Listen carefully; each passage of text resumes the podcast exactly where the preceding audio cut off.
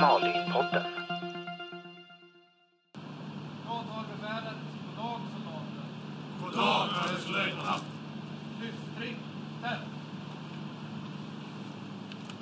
Idag är jag glad och stolt över att på eh, FNs uppdrag få tilldela er medaljen för erkänsla tjänstgöring inom Förenta Nationerna.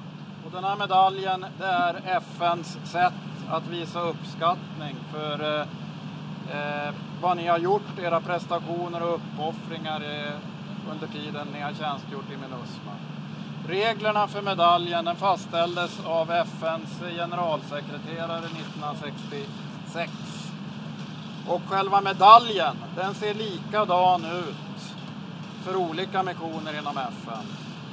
Eh, den är rund och den bär FNs emblem och eh, bokstäverna UN. Släpspännet, det är eh, olika mission för mission. Inom Minusma så är det utformat med en eh, blå bakgrund med band i grönt, gult, rött och mörkblått och ökensandsfärg. Och det yttersta ljusblå bandet det är, symboliserar Förenta Nationernas närvaro. Till vänster som symbol för värdnationen då finns de gröna, gula och röda eh, färgerna som symboliserar Malis flagga. Och till höger så symboliserar det ökensandfärgade bandet, det är Sahelöknen och det mörkblå bandet i mitten symboliserar floden Niger. Medaljutdelning.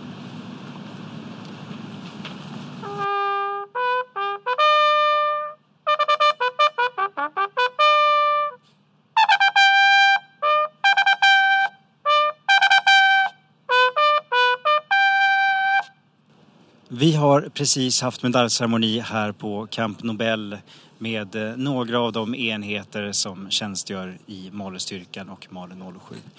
Vi är med oss Lillemor och vi är med oss Jimmy som kommer från sjukvårdsplutonen. Lillemor, varför fick du en FN-medalj? Varför får vi en medalj? Ja, medalj det får man ju för att man har varit i insatsområdet i 90 dagar. Själv har jag varit här i fem månader, tjänstgjort lite med Mali 06 och en del med Mali 07. Jag har förstått att du är på väg hem också. Är det så? Vi ska rotera hem alldeles strax. Hur har det varit att vara här i Mali med 06 och 07? Ja, Mali 06 det var ju AJB som var mitt hemmaförband. Så det var inga konstigheter, det var liksom en ära att få åka ner med dem och duktiga soldater och officerare. Sen i och med att jag jobbar lite grann då i blodbanken som är en specifik befattning så täckte jag över då till Mali 07. Nya ansikten, I19 men också gått jättebra. Jimmy, som eh, plutonchef för sjukvårdspluton, jag har också förstått att du är på väg hemåt. Hur har det varit att verka i Mali?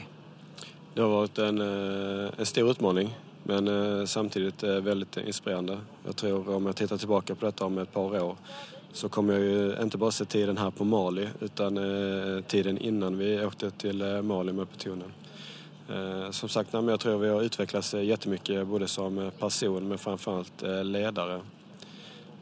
Den stora utmaningen på plutonen är att vi sammanlagt under min tid från start till mål har varit 102 stycken personer kopplat till olika rotationstider och så vidare på plutonen. Och vi har även varit från sju stycken olika länder med olika nationalitet på plutonen.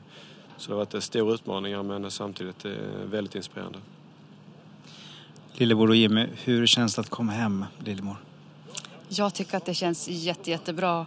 Och en liten del i det är att man lämnar en bra tid bakom sig, som, precis som Jimmy sa, att det har varit personligt givande och sen att vara en, en del i en grupp där det både, både militära och civila, det har varit min stora utmaning att anpassa sig lite så. Eh, sen när man kom hem, man har mycket att se fram emot. Familjen, vänner, ledig tid och ladda om och fortsätta framåt. Så att man lämnar någonting bra och kommer fram till någonting bra. Det ska bli helt fantastiskt. Eh, Från att vara plutonchef här nere till att vara pappa och eh, man till min fru där hemma. Nej, det, det går inte att beskriva, det ska bli fantastiskt. Tack så mycket Jimmy, tack så mycket Lillemor och ta hand om er. Vi från Måndag 07 tackar så jättemycket för det som jag ser som våra superhjältar. Man behöver inte alltid Stålmannen alla gånger och allra helst vill man inte att Stålmannen ska behövas, men ibland behövs ni. Tack för att ni har varit här.